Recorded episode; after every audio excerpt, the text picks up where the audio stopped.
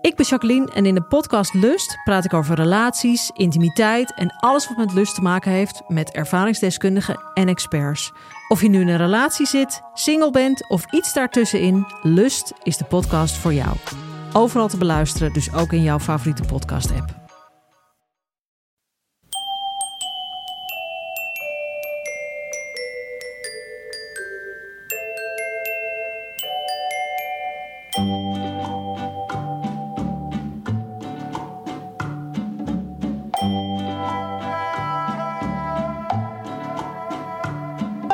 Welkom bij aflevering 107 van de Echt Gebeurd podcast. Waar waar gebeurde verhalen worden verteld door de mensen die het zelf hebben meegemaakt. In deze aflevering het verhaal van Sander Nieuwenhuizen. Het thema van de middag was dieren.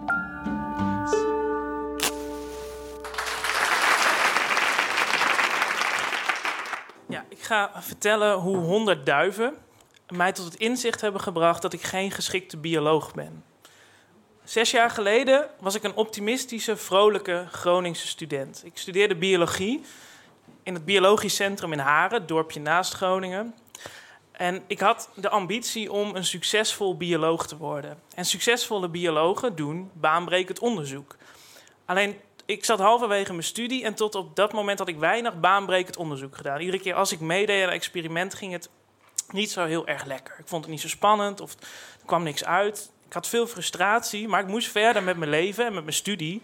En ik moest verplicht een half jaar wetenschappelijk onderzoek doen. Toen dacht ik, ja, als ik dan toch een half jaar van mijn leven ga geven aan de wetenschap, laat het dan een groots, meeslepend experiment zijn. En zo kwam ik terecht op de afdeling gedragsbiologie. Want er zat een man en die deed onderzoek naar het evolutionaire voordeel van uh, hersenlateralisatie. Het evolutionaire nut van hersenlateralisatie. En wat is dat? Je hebt je brein, je hebt twee helften. En uh, het is een, uh, dat één helft zich specialiseert in een bepaalde taak. En dat kennen jullie allemaal, want als je links of rechtshandig bent, dan is je rechterhand je wordt aangestuurd door je linkerhelft en die is beter ontwikkeld dan de andere helft. Dat gegeven dat je een asymmetrisch brein hebt, dat komt bij heel veel dieren voor. Ook bij katten, bij honden, bij muizen, bij vissen. Bijna alle dieren hebben dat. Die hebben een voorkeur voor links of rechts. En dan denken biologen: oké, het bestaat, dus het zal wel een evolutionair voordeel hebben. En dat gingen we onderzoeken.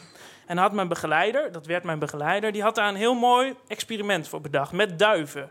En waarom nou bij duiven? Omdat je bij duiven dat kan manipuleren. Dus je kan in het ei al bepalen of die duif een voorkeur heeft voor links of rechts, of dat hij geen voorkeur heeft. Dat had hij gedaan bij 100 duiven. En die had hij in een enorme vliegkooi. Dus het was een groot experiment. En die 100 duiven, de ene helft had dus een voorkeur en de andere helft had geen voorkeur. En wij gingen uitzoeken welke groep doet het nou evolutionair gezien beter die duif met een voorkeur of niet. Um, en hoe meet je nou of een duif evolutionair succesvol is? Daar kwam ik bij kijken, want ik ging een half jaar lang alles bijhouden van die duiven. En dat zeven dagen in de week, want duiven hebben geen weekend. Dus ik ging zeven dagen in de week naar die vliegkooi om te kijken... leven de duiven nog? Zijn ze gegroeid? Uh, hebben ze een koppeltje gevormd? Zijn monogame dieren. Hebben ze een koppeltje gevormd? Hebben ze een nestje gebouwd? Hebben ze eitjes gelegd? Hoe groot zijn die eitjes? Wanneer komen de eitjes uit? Hoe hard groeien die duiven? Kortom, een dagboekje van iedere duif om te bepalen, doen ze het goed? Hè? En om te kijken, doen die duiven met die voorkeur het beter dan die andere groep? Daar merkte ik al dat ik niet zo'n hele goede gedragsbioloog was. Want iedere keer als ik in die kooi kwam, dan groette ik de duiven en ik had ze namen gegeven. Ik was dus heel betrokken bij die beesten. Terwijl een gedragsbioloog kijkt van een afstandje um, en die observeert. En die heeft geen waardeoordelen. Ik had heel veel oordelen over die duiven. Want ik vond niet zulke hele leuke beesten eigenlijk.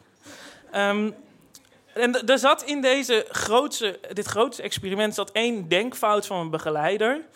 En dat was dat hij het heeft gedaan met wilde duiven. Uh, want je, we moesten nog aantonen dat die duiven een voorkeur hadden. Want je kan het wel zeggen, maar je moet het ook hard maken in de wetenschap. En daar hadden we, had hij testjes voor, want dat staat beschreven in de literatuur, om te kijken, heeft de duif een voorkeur voor links of rechts? Nou, hoe doe je dat bij een duif? Het simpelste experiment is, je vangt hem. Dat is al een uitdaging bij een wilde duif. Je vangt hem, je legt hem op zijn rug, je laat hem los en je kijkt, hoe draait hij? Draait hij linksom of draait hij rechtsom? Als hij altijd linksom draait, dan is het een duif met een voorkeur. Als hij net zo vaak linksom als rechtsom draait, heeft hij geen voorkeur. Dit is een serieus wetenschappelijk experiment. Hè? Ik blijf het even benadrukken. Het is geen hobby. Andere, andere experiment. Ander experiment. Het wordt nog veel ra raarder. Ander experiment is, je zet de duif in een bak en je kijkt hoe loopt hij rondjes. Dus doet hij zo.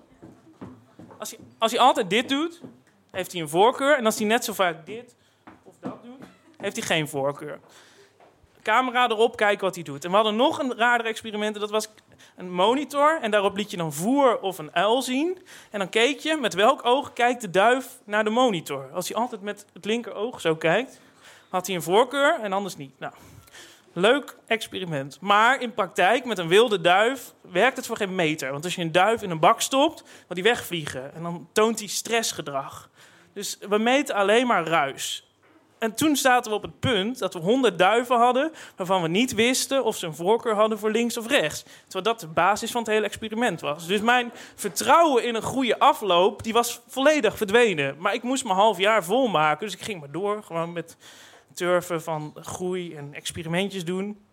Tot op de dag dat ik de duivenkooi inliep, als iedere andere dag. En ik zie daar 60 of 70 dode duiven liggen. En niet vredig ingeslapen, nee, echt een massaslachting. Er zat bloed op de muren, er lagen overal veren. En wat bleek nou? Er was een roofdier uit de omgeving van Haren die dacht... hey, heel veel duiven, daar ga ik even lekker huishouden. Die had een gat gegraven, was die kooi ingegaan. En die heeft gewoon alles doodgebeten. En dan heeft hij geen rekening gehouden met onze experimentele opzet. Terwijl wij keken naar overleving. En als 70% van je proefdieren doodgaat... Ja, dan is het lastig om nog iets te zeggen over de voorkeur voor links of rechts. En, nou ja. Dus daar heb ik eigenlijk daar, toen ik daar in die kooi stond... met een vuilniszak en die dode duiven erin stond te stoppen... Waarbij mijn begeleider nog zei: ja, je moet wel het pootje eraf knippen, want dan kunnen we de ringetjes opnieuw gebruiken. nou, terwijl ik, ja, ik, stond, ik was zwaar emotioneel, want ik had die duiven een naam gegeven. Ik stond in die En toen besefte ik: ja, dit is ook wetenschap. Weet je, dit is ook resultaat. En, maar ik besefte me wel: dit ga ik niet de rest van mijn leven volhouden. Dit is gewoon te bizar. En ik, ik, zag dus geen resultaat. Nou, mijn begeleider bleef er gewoon vertrouwen. Nou, eigenlijk bleef hij stoïcijns doorgaan met het experiment. Er waren nog 30 levende duiven. Hij ging nog steeds iedere dag naar die kooi. En uh, hij bleef maar doorgaan. En ik ronde mijn onderzoek af. Ik ging aan mijn verslag typen. Tot het was kerst. En het had al een paar dagen gesneeuwd. En op die kooi had zich allemaal sneeuw opgestapeld. En die kooi die dacht... Het is mooi geweest met dit experiment. Ik stort in elkaar. En die laatste 30 duiven grepen een kans. Die vertrokken met de noorderzon richting centrum Groningen Febo. Om daar de rest van hun leven te gaan slijten. En daarmee was officieel het experiment dan ook afgelopen. Want er was geen proefdier meer over. En nou ja, tot op heden uh, ik, ik, ben inmiddels ben ik wetenschapsjournalist geworden. Dus ik doe niet meer praktisch dat onderzoek. Kijk vooral naar het resultaat. Ik kan andere mensen daar lekker over bevragen. En ik, heb tot ik, ik hou de, de, bladen bij, de vakbladen. En ik heb tot op heden geen uh, publicatie gezien over dit duivenexperiment. Maar ik weet wel dat mijn begeleider nog steeds gelooft in de hypothese dat er een voorkeur is voor links of rechts. En dat dat een evolutionair voordeel is. En dat onderzoekt hij nog steeds. Maar dat doet hij nu dus in vissen en in kippen. En dat is mijn verhaal.